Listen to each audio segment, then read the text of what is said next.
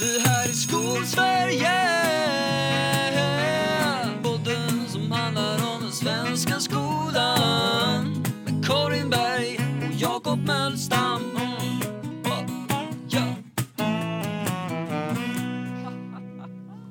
Vad roligt. Och precis där somnade min fot. Yes, så är livet. Men du har ju sån rolig arbetsställning. Eh, Alltså, jag sitter ju ofta och gör det mesta av mitt jobb i mitt kök. Så. Men där blir inte ljudet så bra när jag spelar in just podcasten. För att det är lite för tråkiga material och rum och väggar och planlösning och så. Så då sitter jag istället här. Jag har ändå testat mig fram genom olika avsnitt. Vi har ju spelat in, tror jag, flera avsnitt hemma än vad vi har skulle spelat in i, eh, tillsammans eh, vid det här laget, tro, skulle jag gissa. Eh, och då har jag kommit fram till att det här är en av de bättre alternativen som jag gör. Det är nog inte det bästa, men det är en av de bättre.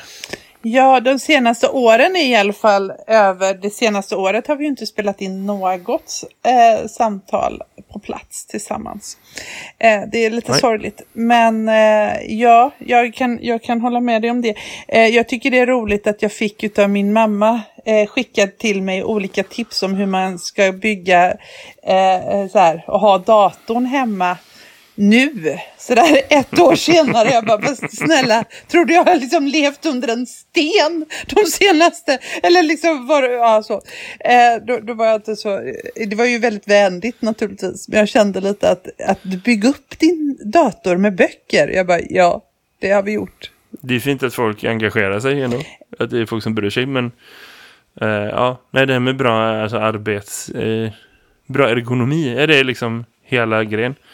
Med bra arbetsmiljö hemma, det, det är någonting att fundera mer på. För jag tror ändå att vi kommer göra det mer hemma. Så. Och att det här med att liksom sitta och jobba vid en laptop är suboptimalt. Som man säger. Ja, jag tycker nog faktiskt att, att man börjar mer och mer. Jag, jag, jag har ju väldigt ont i en axel på grund av att jag sitter och jobbar vid en laptop vid en dålig arbetsmiljö. Alltså så som, som jag håller på med massa övningar och nu har jag köpt någon, någon slags sele som ska hålla bak mina axlar på något sätt och jag håller på och krånglar med min axel hela tiden.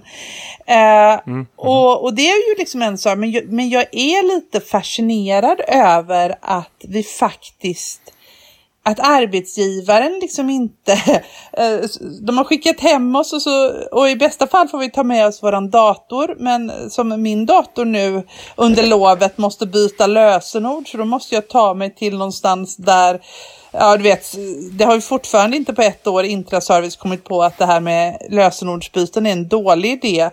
Eh, för annars så låser sig datorn och så vidare. Ehm, Nej, jag råkar ut för samma sak. Jag har hamnat i värsta dåliga liksom, rytmer med det. Man måste göra det var tredje månad. Så jag hamnade i en situation, eller var 90 dag tror jag det är. Eh, Så jag fick göra det på jullovet och nu fick jag göra det på sportlovet igen. Ja, och det, det, här- det här drabbar mig hela tiden och nu skulle jag byta lösenord. Eh, och nu lyckades jag inte heller göra det för att vet, vi har ju haft lov så att nu vet jag inte vad som kommer att hända men den har, jag har inte stängt av datorn och tänker att det kanske blir bra. Om jag inte gör det så blir det nog bra. Eh, eller något, jag hoppas. Man får ju liksom bara hoppas. Men sen har ju inte arbetstiden, det har ju inte ens varit en diskussion. Det var jättemycket diskussioner om att man ska ha visir och munskydd och det ska finnas eh, liksom handsprit och hit och dit på skolan. Alltså där jag arbetar. Men ingen samtal om har, vad har du för stol hemma? Har du någonstans att liksom sitta? Hur har du ditt skrivbord och sådär? Sådana saker som faktiskt är arbetsgivarens ansvar. Det borde ju vara så att det liksom någon ställde frågan i alla fall kan man tycka. Ja, men det där är ju så sjukt. I, eh, folk som anställer inom universitetet, eh, så, om vi bara pratar om Göteborg där du och jag finns, så eh, har de liksom fått hela sina arbetsplatser hemkörda i taxi. Liksom. Folk som är doktorander och så.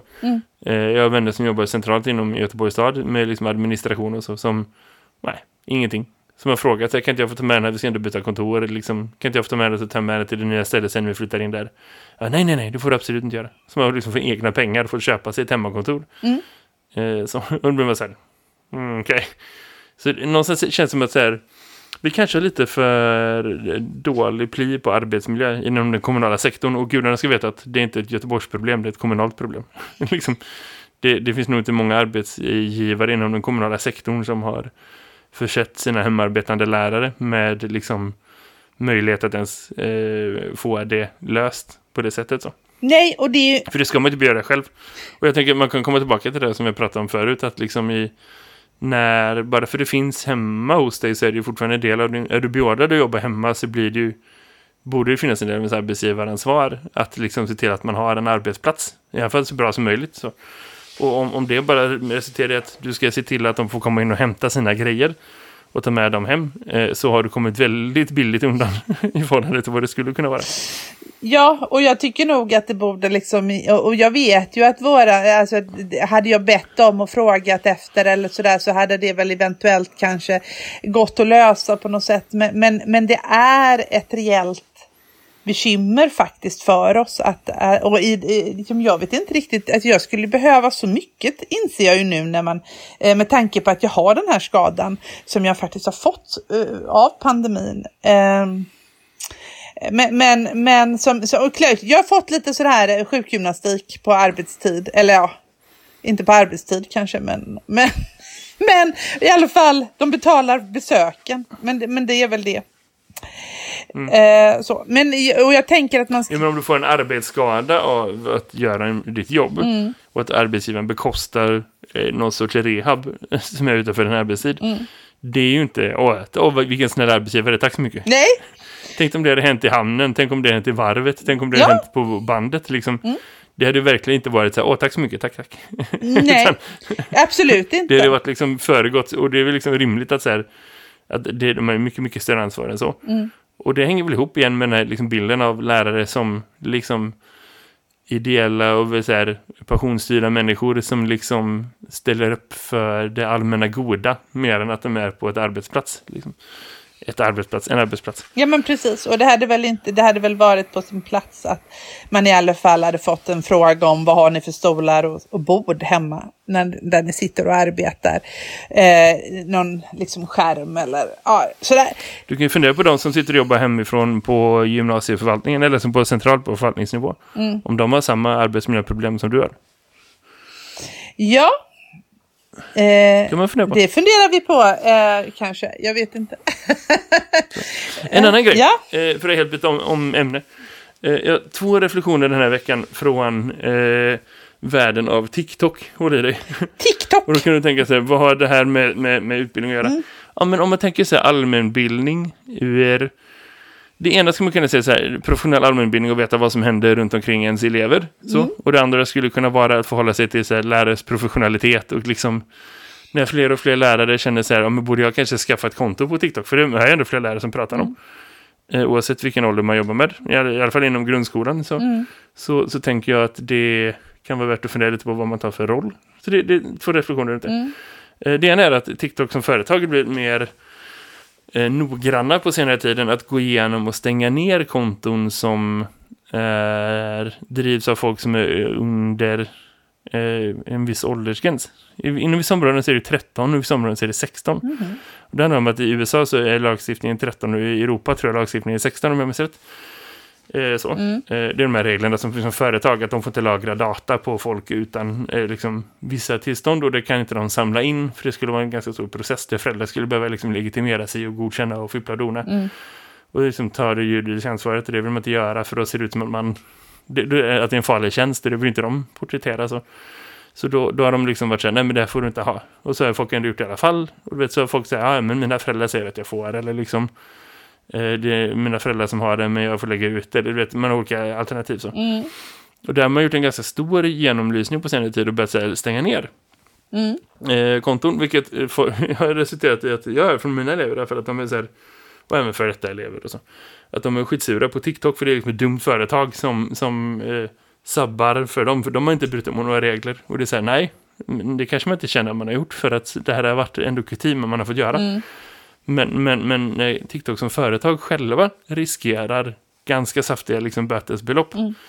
så, så är det inte så konstigt att de ändå är lite noggrannare med att se till att de följer eh, de regler som finns. Mm. Så.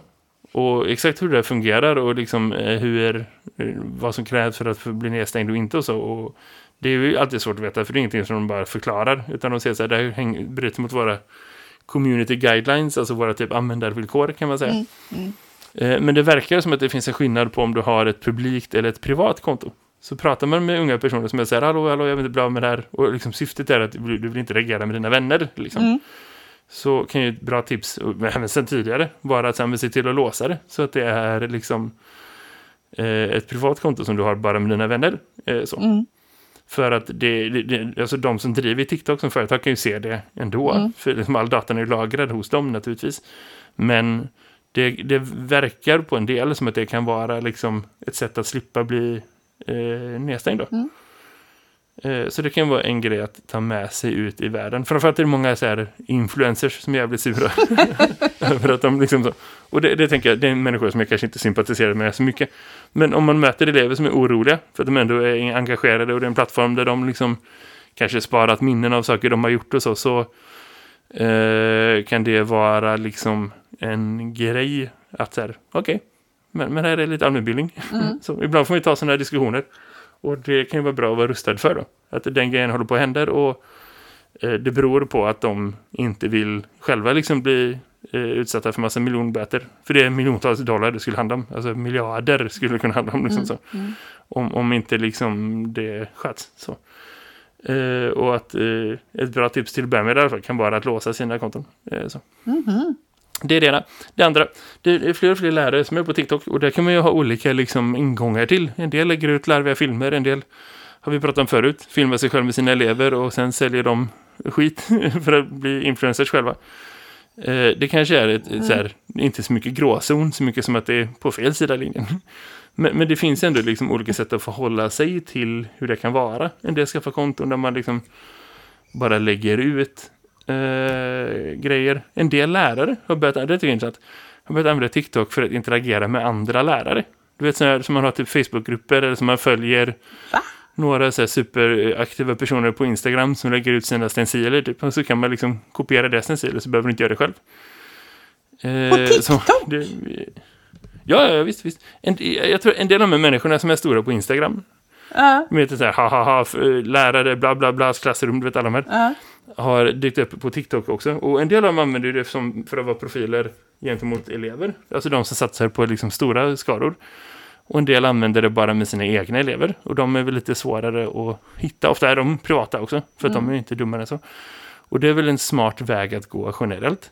Min, min generellt skulle jag säga, säga så här, men gör det. Om du är bekväm med det så gör det och satsa och se vad som händer. Och fundera själv på vilka principer du vill ha. Jag följer alla elever som inte följer mig först exempelvis. Så.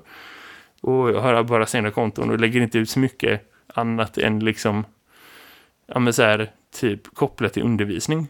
Ja, men om jag testar hemma ett experiment som vi ska göra i veckan så kanske jag lägger ut någon ledtråd till det så att eleverna kan liksom fundera, jaha okej vad ska vi göra i veckan? Och bygga lite hype, sådana grejer typ. Men liksom jag lägger inte ut så mycket egna grejer annars. Men eh, man får göra som man vill. En del blir svinbra på det och det är kul.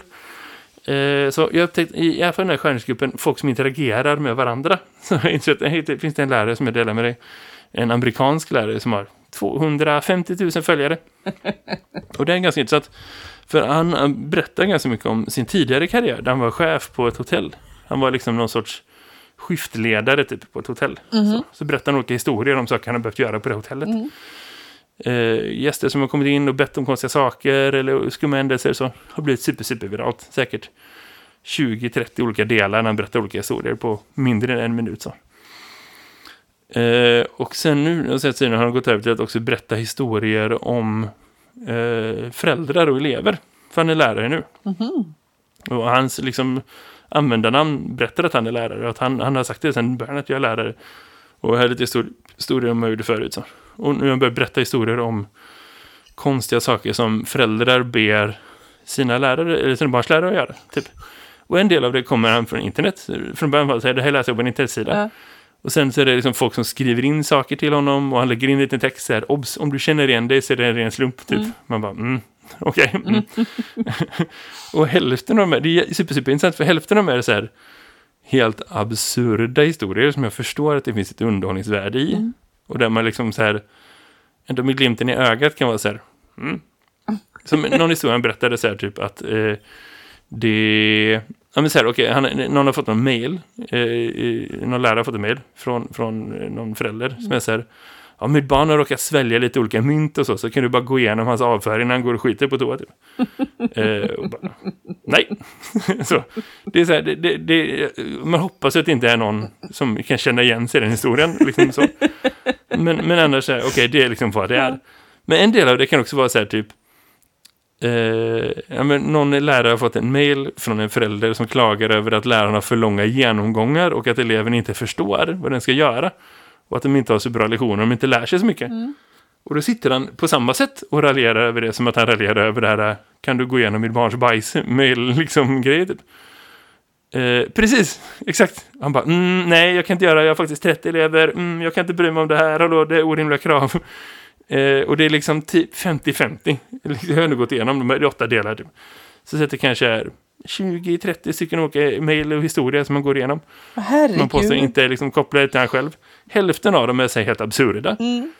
Och väldigt, väldigt personliga på ett sätt som man blir så här, varför har någon lärare valt att vara offentlig med det här? Eh, man hoppas att det är fejkat för någon sorts liksom clickbait-artikel. Mm. Och hälften av dem är så här, ah, men om du tar ett steg tillbaka och funderar så finns det ändå saklig kritik i det. så. Och Ja. det, där, det är super, super intressant för det blir ju bara pinsamt. Ja, Alltså, båda de historierna, att berätta sådana historier är, allt blir superviralt. Han tjänar säkert jättemycket på det i, i marknadsföring och i följare och i trafik och, och så. Och som sagt, 250 000 följare för att vara liksom en högstadielärare. Så att det är så här, uppenbarligen lyckats. Men, men man blir ju ändå så där, är det här riktigt rätt? Eh, helt och hållet. Och jag kan inte låta bli att tänka, och det, kan, det här är det som jag verkligen funderar på. För jag tänker inte alls så om hans historier kopplat till hans tidigare karriär som hotellskiftledare typ. Utan det är bara det som är kopplat till du tänker alltså, att de, skava. de när han var hotell, det- det var helt rimligt liksom. Där, där upplever du inte att det var orimlig kritik. Alltså, Jag, jag, jag ser inte alls det som lika problematiskt Nej. fast att han berättar om saker som han själv var med om. Som han berättade så här. När jag var hotellskiftledare så jobbade jag, han berättade inte var han jobbade. Men liksom det, så här, då kom det fram kunder till mig som var så här och så här. Och det tycker jag, det känns på något sätt mindre problematiskt än när han, och det där förstår jag naturligtvis. Det kanske har att göra med, ja men jag, jag vet inte, jag, jag har inget svar på det, jag har lite olika teorier så kan du få förklara. Men antingen så tror jag det handlar om, om att liksom, jag själv är lärare och känner så här, nej men det där, vi är inte sådana människor som gör sånt. Hotellmänniskor kanske gör det, men vi är inte sådana. Det kan vara ena teorin. Den andra teorin kan vara att det är så här beroendeställning. Det är yngre människor, äldre människor. Och någonstans finns det ändå en lärare som har berättat för honom eh, om grejer som deras elever och deras föräldrar har berättat för dem i förtroende. Om det inte är han själv. Eh, eller så är det bara generellt att man ställer lärare mot väggen lite hårdare. Man har högre krav på dem än, än vad man har på andra människor. Det är nog tre teorier som jag skulle kunna komma på. ja, men, men också sådär om, om, alltså det är ju en väldig skillnad. Om jag besöker en, en hotellverksamhet och eh, de säger så här att nej, du kan inte få sylt på smörgåsen. Eh, för jag vill ha det. Liksom, och så, så är det någon som driver, fattar, fattar de trögt att jag inte kan få sylt på smörgåsen, ha, ha, ha, ha. Eller man kan inte få, eh, liksom, eh, så är det ju fortfarande sylt på smörgåsen det handlar om. Om jag vänder mig till mina barns skola och säger så här att det funkar inte med den här, eh, min, min barn kommer hem och är väldigt frustrerad och känner inte att den lär sig något. Eh, då, då är det ju, det är ju liksom en livsviktig verksamhet eh, som inte har med sylt på smörgåsen att göra. Och, eh, och även om det är så att ditt barn kanske inte, för att eh, det är klart att det kan finnas föräldrar som skriver mejl eh, där, där man då liksom har glömt bort att barnet faktiskt inte ens var på lektionen eller du vet att det finns liksom en massa saker som, eh, för, men det kräver, ju en, det kräver ju ett professionellt svar på ett helt annat sätt eftersom den här utbildningen är ju liksom någonstans en skyldighet. Alltså du, du har ju skolplikt att lära dig vissa saker och om du då får en undervisning som inte alls fungerar för dig eh, då måste du ju någonstans påpeka det. Det är ju liksom någon slags en demokratisk rättighet.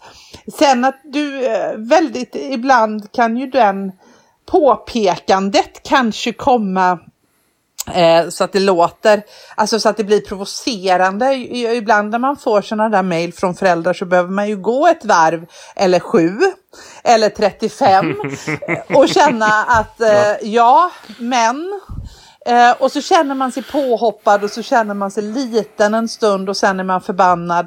Men sen så får man ju faktiskt gå till sitt professionella jag, kanske med hjälp av en eller två kollegor och svara just för att det är väldigt sällan som man tar ett beslut i klassrummet som inte är professionellt fattat. Det är min erfarenhet, både som den korta period där jag faktiskt eh, var chef. Och det kanske är så att man behöver se det liksom, det kanske är så man behöver se det lite bredare Ja. i, i vad det är som är det professionella svaret i det. Ja. För det kan ju vara så att man kan tänka att man går in och svarar och hanterar en situation. Mm. Eh, liksom så här, okej, men och det kan vara så här, minsta möjliga typ att så här, okej, men den här frågan får du vända dig till min rektor om. Mm. För den ligger inte på mitt bord. Eller den här eh, frågan kan vi inte tillgodose. För att det finns inte utrymme för det i vår verksamhet. Om det är så här orimliga krav. Liksom. Eh, så. Eh, eh, men, men man ändå måste förstå någonstans att det finns en oro bakom och en ambition bakom som inte alla kanske 100% alltid är kapabla att uttrycka. Som man ändå måste bemöta någonstans. Men att det också kan vara liksom så att hur man hanterar det runt omkring ingår i hur du svarar och hur du bemöter det. Och det kan vara vilka du berättar för. Vilka du är liksom eller så hur du hanterar den det förtroendet som ändå finns i den informationen. Bara en sån grej som, om man tänker något men att det händer en grej som är så här, ja men det händer en grej i verksamheten som är, som är liksom ganska allvarlig, vad det skulle kunna vara. Och att det är liksom så här, okej men det här kan inte jag sitta på själv, det måste jag berätta för någon annan. Men det kanske inte är så att alla, alla behöver höra det. Utan jag behöver gå till min chef eller jag behöver engagera kuratorn i det här. Men jag berättar inte för de andra kollegorna än. För att det är inte säkert att de behöver ta del av den informationen. För att det i sig kan vara kränkande för den personen som det handlar om. Liksom så. Att, att liksom hela det agerandet 360 grader ingår. Och min erfarenhet, för jag, jag har ändå en del bekanta som är lärare i USA. Eh, så, eh, är att liksom och det, det handlar inte om mina bekanta utan handlar om så här, när de berättar historier om vilka människor de jobbar med och vilka kulturer som finns där. Och ibland när jag träffat lärare från USA som är liksom som inte känner så väl utan bara som är anmälda så, så, så tror jag det finns en mer en så här traditionell kultur av att liksom jag är äldre, du är yngre, därför ska jag vara så här och du ska vara så här. Att det finns massa saker som kommer med liksom eh, området att vara äldre som präglar hela den kulturen. Som gör att det finns lite mer en så här skyddad verkstad. Inte att man inte får kritik, men att man liksom har mer en intern så här. Men jag har ju rätt för jag är lärare. Så, är du med? Ganska lite av det finns kvar i den svenska lärarkåren och den svenska lärarmentaliteten om man ska prata om kultur i vår grupp. Och det tror jag är positivt faktiskt. Ja. För att, jag menar, liksom, här förstår man att förtroenden är förtjänade på ett sätt som ändå är som det är. Så.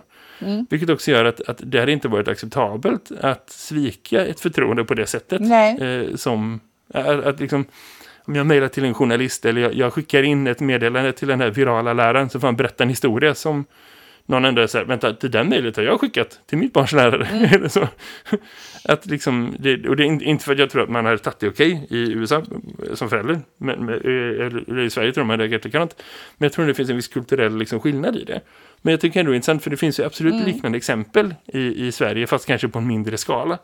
Inte att någon liksom lägger ut, kolla här, här är mina topp 10 liksom, eh, knasiga mejl som föräldrar skickar. Typ. Det skulle absolut svenska influencers som är lärare också kunna göra. Men liksom, min, min poäng är att jag tror att hur vi förhåller oss professionellt till det där. Det kommer hela tiden nya utmaningar och det var det som jag började tänka på när jag såg den här killen och blev så här, vad hände här? Att liksom, det kommer hela tiden nya dimensioner och nya dil- dilemman kopplat till liksom hur man är professionell som lärare. Och nej, men nu har jag inte jobbat som lärare så himla länge, men när jag tog min examen, det var liksom tips som vi fick på sig, i olika VFU-seminarier var så här, jobba inte för nära där du bor. För att då kommer du ha svårt att blanda ihop dina liksom privata professionella roller. För du- förr eller senare kommer du möta någon som på ICA som du har haft liksom kontakt med som du kanske inte vill ha i ditt privata liv och så. Sådana tips är väldigt, väldigt irrelevanta i, i, i, i tider av liksom nu. För du är precis lika nära och långt bort oavsett var du bor. Det, är inte, det, är, inte- det är inte din bostad som avgör liksom, Eh, hur lätt eller svårt du blandar ihop? Privata professionella identiteten. Nej. Eh. Nej, men, och samtidigt som jag tror att vi har ju också hamnat i, i Sverige då till skillnad från USA, om man nu drar det åt andra hållet så har vi ju hamnat i du vet, bra och dåliga skolor. Vi har ju den här marknadsskolan som vi pratar om och där då det har blivit någon slags liksom primalskrik i att föräldrar ska inte lägga sig i sina barns skolgång och varför ska... Alltså vi har ju snarare den diskussionen om man i USA har liksom, alltså i någon slags desperation från lärare, måste jag bli ifrågasatt med allt jag gör och så vidare. Eh, jag, Mm. eh, och jag tänker ju att, att eh, det är klart att när man har ju skapat ett skolsystem där eleverna är kunder så ligger det ju liksom i hela den mentaliteten att man ska klaga när man inte är nöjd och så vidare. Så jag tror att... För det är ju egentligen inte eleverna som är kunder utan föräldrarna. Ja. Eh, som, Jo, men- eh, visst är det väl olika svar beroende på vilken ålder, men liksom föräldrarna är ju kunder och då kan man inte, alltså man måste förstå det ur ett systematiskt perspektiv. Att liksom när kunder beter sig som kunder så är inte det så konstigt. Sen naturligtvis finns det ju alltid otrevliga kunder, folk som går över gränsen och det har man all rätt i världen att sätta stopp för. 100 procent, jag backar det. Vilken dag som Ja, helst. men, men jag skulle... för- Men, men jag förstår ändå grejen. Ja, men jag, Ja. för- för- precis. Och, och i Sverige har det väl då kanske, men samtidigt kan jag se, det finns ju en slags sånt där och det har ju pågått i många år och det är ju någon slags märkligt ställningskrig på Twitter där då olika mer eller mindre kända personer delar liksom sina barns eh, uppgifter på Twitter där man lägger ut sådär. Eh, senast var det någon förälder som var väldigt upprörd över att, att den nya läraren hade skrivit eh, jag, ser fram eh, jag ser fram emot våran tid tillsammans istället för vår tid tillsammans. Och, eh, eh, och det här var skrivet till en årskurs fyra vill jag tillägga.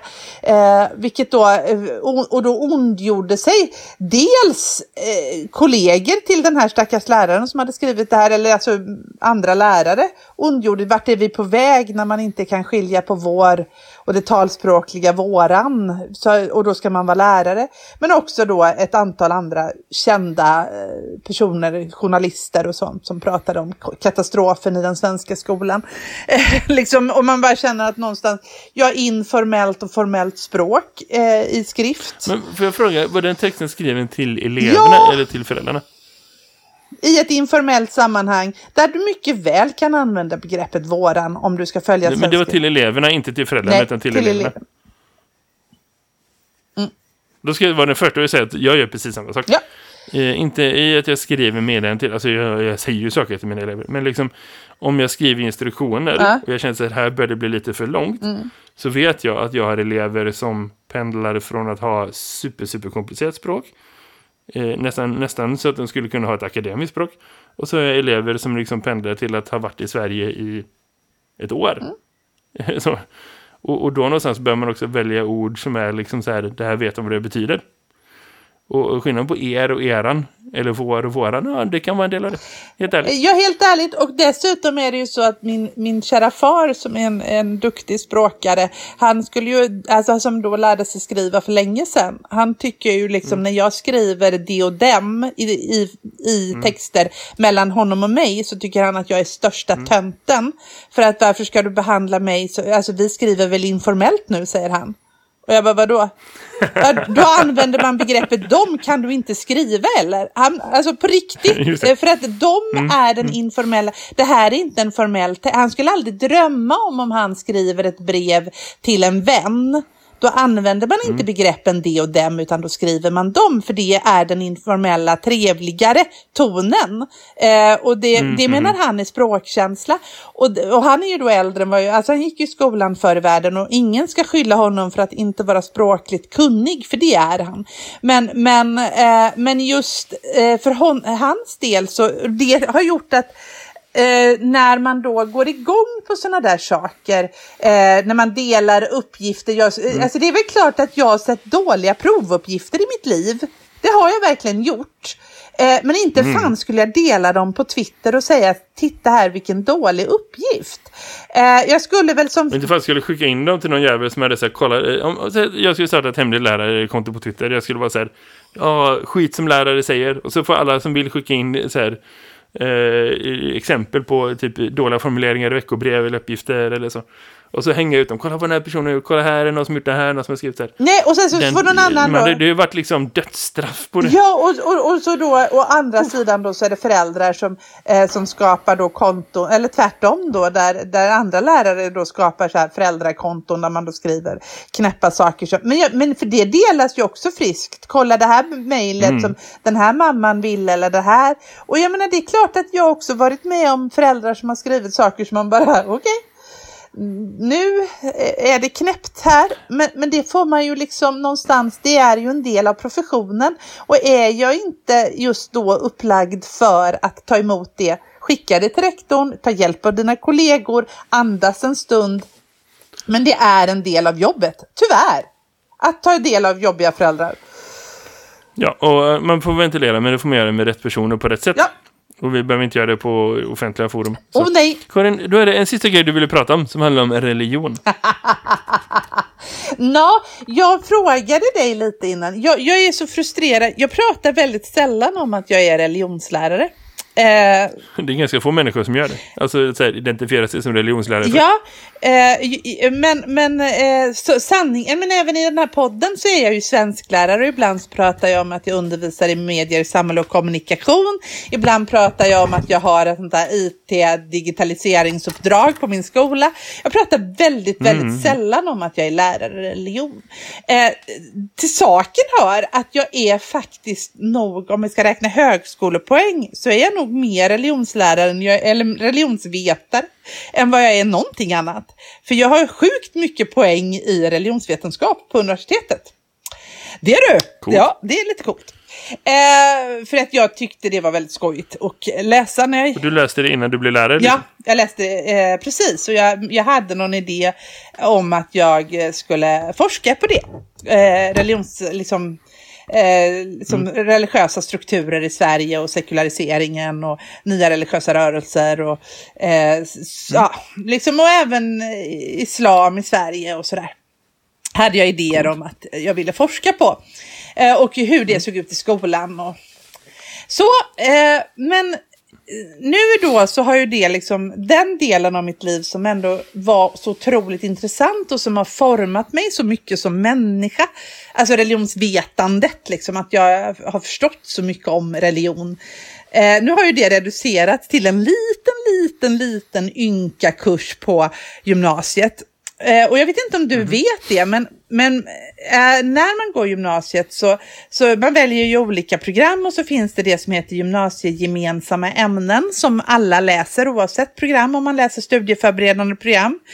Och, eh, sen finns, och, de, eh, och de läser man olika mycket, alltså man läser fortsättningskurser lite beroende på vilket program man har valt. Men har man valt Och det är samma för alla skolor i Sverige, men det, det är bara de studieförberedande, så de praktiska programmen gör inte det. Nej, de har ju då, alltså om du går praktiskt program så läser du matte 1 eh, då och inte eh, eh, matte 1A och svenska 1. Eh, men du läser inte svenska 2 och 3 till exempel. Du läser engelska 5 men inte engelska 6. Man har lite färre gymnasiegemensamma kurser. Liksom. Det finns två olika definitioner av vad som är gymnasiegemensamt. Precis, ja, okej, precis. Ja. Och då är det ju så att när den här GU11 kom så, så är det ju så att man 100 poäng är standard och sen är det några få kurser som är på 50 poäng. Eh, och du läser, på, på, under din gymnasietid så läser du liksom 300 poäng svenska. Eh, om du läser samhällsprogrammet som är det vanligaste programmet så läser du 300 poäng svenska, du läser 200 poäng samhällskunskap, du läser 200 poäng historia, eh, du läser eh, 200 poäng matte och så vidare och så vidare. Så, här. Eh, men när, så kommer du ner till ämnet religion och då blir liksom helt plötsligt det är gymnasiegemensamt, det ska alla studieförberedande program läsa, men du ska bara läsa, inte 100 poäng, utan 50 poäng, alltså cirka en termin. Och det är liksom politiskt framtaget, gissar Ja. Samma som timplanen i grundskolan. Ja. Det, är- det är ett politiskt beslut och kursen är 50 poäng. Och det som ska Okej. hanteras då på de här 50 poängen, det är, hör och häpna, eh, alla fem världsreligionerna ska du hantera. du ska hantera eh, Eh, du ska hantera de olika, alltså dels då traditioner och eh, liksom hur man hanterar de olika livscyklerna, eh, olika högtider, de olika religionernas historia, hur de påverkar individer både i Sverige och eh, runt om i världen och liksom beroende på olika politiska system, om liksom hur, politisk, hur politik och religion och de olika religionerna hör ihop och hur man ser på sexualitet och socioekonomisk bakgrund och hur det hör ihop med kön, eh, med kön och religion eh, och individers och gruppers identiteter, hur det formas i förhållande till religion eller annan livsåskådning. Plus alla etiska modeller eh, och olika uppfattningar om religion och vetenskap och vi ska ju också göra etiska analyser med utgångspunkt från de olika etiska modellerna. Så det är ganska så mycket som ska hanteras på de här 50 poängen. Uh, liksom uh, gott och väl lika mycket som en vanlig svensk kurs ska hantera. Uh, alltså det där är lite konstigt. Är det de enda gångerna som hela den långa listan av grejer tas upp i gymnasiet? Japp. Det tar ju nästan 50 timmar att förmedla liksom listan. Yeah. Och då, är det, då ska du veta att 50 timmar, då är det 75 procent av det ungefär som du får i lektionstimmar. Du får ju inte 50 timmar till de här 50 Aha. poängen. Eh, utan du får... Men varför inte då? Ska det inte vara så att det är 50 poäng i 50 timmar? Ja, det kan man tycka. Men det handlar ju om att du behöver inte det. Utan det du behöver leverera är 2500 äh, fan, det är någonting, du, du har ett visst antal garanterade timmar på gymnasiet. Det är inte ens 2500 timmar. Men det är ett visst antal mm -hmm. timmar och de timmarna eh, kan ju vara precis vad fan som helst. Du kan ha liksom 2500, du kan ha timmar i liksom men är det samma på alla gymnasieskolor eller varierar det från skola till skola? Ja, du liksom? bestämmer själv från skola till skola hur mycket tid du vill lägga på svenska, om du vill lägga mer timmar på svenska än vad du vill lägga på religion eller vad du vill lägga. Så det finns eh, skolor där man teoretiskt sett lägger 50 timmar på 50 poäng i religion då? Det kan det nog kanske eventuellt finnas. Väldigt tveksamt med tanke på eh, våran, alltså problemet med religionsämnet skulle jag vilja säga är mm. ju att Sverige generellt, och det har lite med mm. socialdemokratin att göra rent historiskt, så är vi mm. i Sverige extremt dåliga på religion. Vi har extremt låg förståelse för vad religion är och vad religion innebär för människor. Eh, och nu stick, ja, eh, ja, men och det kanske att sticka ut hakan, men, men den generella svensken tycker att religion är någonting konstigt, någonting som, som bara eh, man, man liksom förknippar förknippar religion med fundamentalism. Ofta man mm. tänker att religion är någonting som eh, människor håller på med någonstans långt borta och de är lite mindre utvecklade än de som är sekulära och inte håller på med religion. Eh, och så mm. vidare. Och det är en grundinställning som gör att när eh, Nej, och, och den, det blir ju färre och färre ungdomar, i alla fall i mina klasser, som till exempel är konfirmerade. Vilket gör att väldigt få elever har ju en, en förståelse för att vi, vi är kristna i grunden i Sverige. Alltså våran historia bygger på en kristen grund, att våra lagar bygger på en kristen grund, eh, att vår kultur bygger på kristna värderingar från början och så vidare. Allt det där har vi mindre och mindre kontakt med. Och varför det beror på socialdemokratin, det är lite taskigt att ge dem skulden, men, men det har med folkhemmet att göra kort. Vi har ju inte behov mm. av kyrkan för vårt sociala liv. Det är inte så att det är kyrkan som ordnar barn, eh, alltså förskolan nej, nej. och kyrkan driver inte skola, kyrkan driver inte äldreomsorg och så vidare och så vidare. Utan nej, det är ju liksom, det är staten som löser det, till skillnad från de flesta andra länder och så vidare. Eh, så att, men, men det gör ju att, att när du då ska börja med ett sånt där ämne som religion på en, på en vetenskaplig nivå, på en gymnasienivå, så måste jag ändå börja med att säga så här, ja, Abraham, är det någon som vet vem han är? Och då är det kanske någon som har hört Mora Träsk.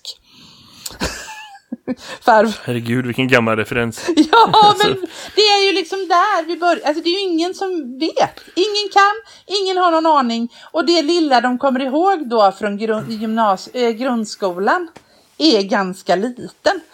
Eh, så jag känner mig alltid vid den här tiden, precis efter sportlovet, som om jag är i andnöd. För att hur ska det gå ihop? För du, du har religion på vårterminen? Nej, jag har religion, för jag, jag har kommit på att jag får ut fler timmar om jag har religion en gång i veckan under hela, under hela året. Istället för att ha det två Mhm. gånger i veckan under en termin. Så jag har det faktiskt under hela året för att då, då, är det bett, då kan jag liksom laborera med tiden lite. Då går det inte som... Eh, ja, Nej, det går inte bort lika mycket. Eh, Okej. Men, eh, så att det, men jag, Men det är spännande, för om man kollar i de gymnas gymnasieämnen, eh, kurserna som du berättade om förut. Mm. Hur ser den fördelningen ut med historia och samhällskunskap och geografi? Liksom som är den gemensamma minsta nämnaren för alla som går studieförberedande program då? Alltså geografi läser man bara på samhällsprogrammet. Den läser man inte alls. Men då läser man 100 poäng. Mhm. Geografi läser... Så det, inte, det, det, det ingår inte ens i de gymnasie- gemensamma ämnena att man läser geografi? Nej, det är ett fördjupningsämne som bara finns på samhällsprogrammet. Herregud. Japp, så är det. Eh, men däremot samhällskunskap läser man samhäll 1 läser alla. Eh, estetiska programmet, eh, natur, teknik, eh, samhäll, humanism. Alltså alla läser det. Eh, historia 1 och en variant beroende på vilket program du läser historia 2. Eh, vå- ah, våra estetare läser historia 2 B tror jag den heter som är mer kulturinriktad. Eh, så de läser 200 poäng eh, historia. Medan eh, och samhällskunskap läser man på estetiska programmet 100 poäng medan man på samhällsprogrammet läser 200 poäng. Så det är ju lite beroende på vilket program du läser. Eh, så. Mm. Mm. Eh, men, och religion då som är ett femte. Men jag, jag tänker ju att det går alltså från en grundskola, för det var du som berättade det för mig. För hur ser det ut på grundskolan? Där du jobbar? Det funkar, ja, det funkar så att eh, numera har man ju stödindelad eh, timplan Mm. sen eh, 2020, liksom hösten. Mm. Eh, så, och det gäller ju för alla förutom de som går ut nian. Liksom. Mm. Och då funkar det så att man har liksom bestämt per, tim, eller per stadie hur mycket timmar man ska ha i varje ämne. Mm. Och i de här SO och NO-blocken så har man sagt liksom att varje SO-ämne, i, om man kollar på högstadiet så ska det vara 75 timmar i varje. Och motsvarande siffra för mellanstadiet är 70 då. Och sen har man lagt en gemensam pott som är högre. Mm. Så om du tänker geografi, historia, religion och samhällskunskap är 75 timmar var, det är totalt 300. Mm. Så är SO-blocket 352 Mhm. eh, på högstadiet. Och i mellanstadiet så är det så att det är 70 i varje, som är 280 totalt. Men som har sagt 333 av någon anledning tillsammans. Och det är, ja men det hänger ihop med, 8, med 352 naturligtvis. För det blir ett jämnt, en femma. Skitsamma. Poängen är att eh, då finns det liksom typ 30 timmar i mellanstadiet som du gör lite vad du känner för. Eh, så. Där liksom ansvarig SO-lärare och ansvarig skola framförallt får vi liksom fördela lite mellan. Och det vanliga är väl att man fördelar den tiden så jämnt som man kan. Eh, så. Men, men det kan ju variera lite. Men man ska ha minst 75 timmar av varje. Och, och det där är ju...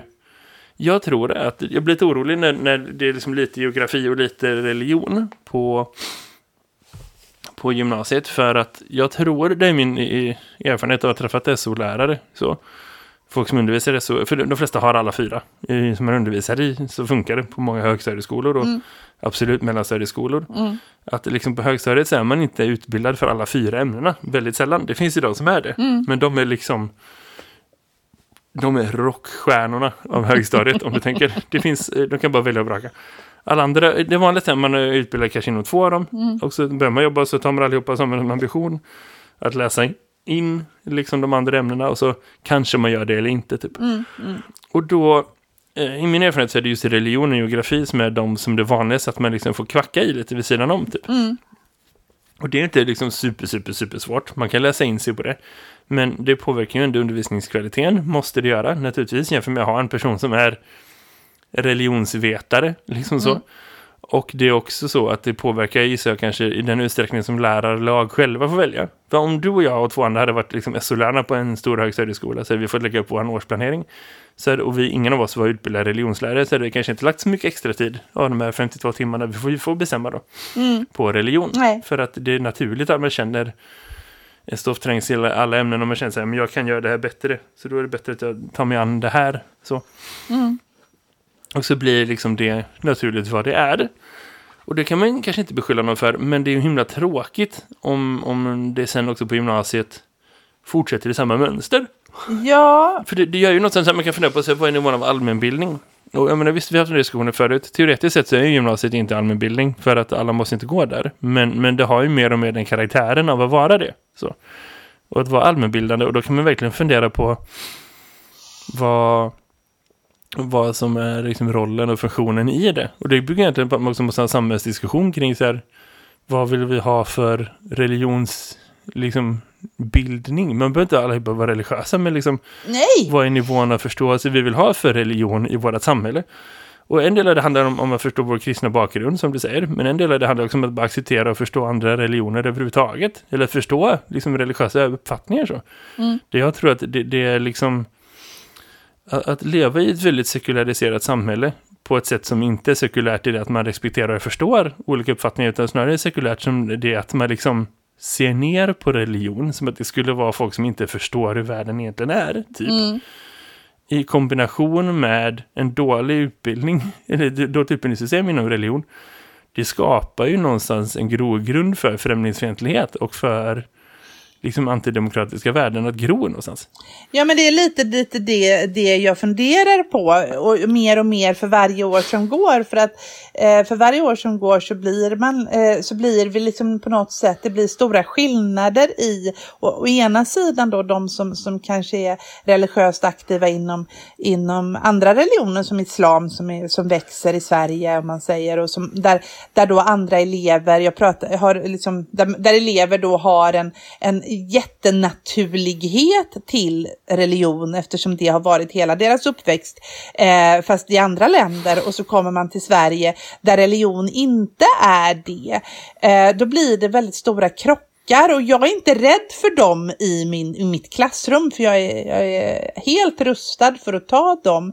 Eh, men, men jag tror också att de är extremt nyttiga samtidigt som jag, jag vet att det finns krafter i Sverige som menar på att religionsundervisningen ska bytas ut mot någonting som man kallar livskunskap eller livsåskådningskunskap för religion är ett opium för folket. Ish. Eh, Och då missar man någonting väldigt liksom vitalt i att, att religion faktiskt har funnits lika länge som det har funnits människor. Människor mår, liksom, vi, vi har alltid tagit till olika religiösa liksom, element när vi inte förstår någonting i, i form, när vi är osäkra, när vi, liksom, vi vänder oss till liksom, den typen av liksom, Alltså man kan, alltså den typen av mekanismer, eh, det har vi gjort i alla tider och det kommer vi att göra. För det är extremt mänskligt och förstår vi inte det så blir vi ett fattigt samhälle. Så det är någonstans, eh, jag skulle vilja ägna betydligt mycket mera tid åt de diskussionerna med mina elever eh, och ha tid att jämföra och se att det inte är så konstigt med religion. Förstår du? Eh, och istället för Ja, ja. att liksom känna att eh, när jag, men, men jag får ägna så mycket tid åt att förklara att vad religion överhuvudtaget är och vad liksom olika människor tror på att det finns cir- cirkulära religioner och linjära religioner och att de är ganska lika bla bla bla. Eh, Det, det, det går så fruktansvärt fort den här kursen och det lämnar så väldigt lite tid för eftertanke samtidigt som jag tror att det gör oss som till ett fattigt och ganska eh, polariserat folk på grund av att vi inte faktiskt tar oss den tiden. Eh, så det var lite det jag ville prata om eh, idag. Men det är en fundering. Är det någon som läser eh, religion 2?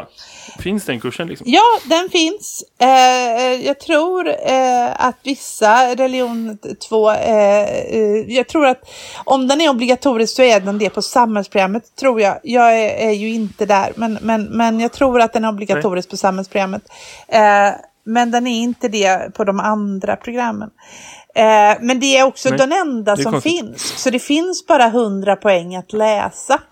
Eh, och jag tänker att eh, du vet, bara eleverna vill ju gärna in och grotta sig i, i nya religiösa rörelser eller man är intresserad av små, de här eh, liksom lite mer udda religionerna. Alltså det är ju ett väldigt enkelt ämne att entusiasmera unga människor i. Man tycker att det är kul. Och därför blir det Ja, ju, självklart. och därför känns det ju också konstigt, för det handlar om dem själva.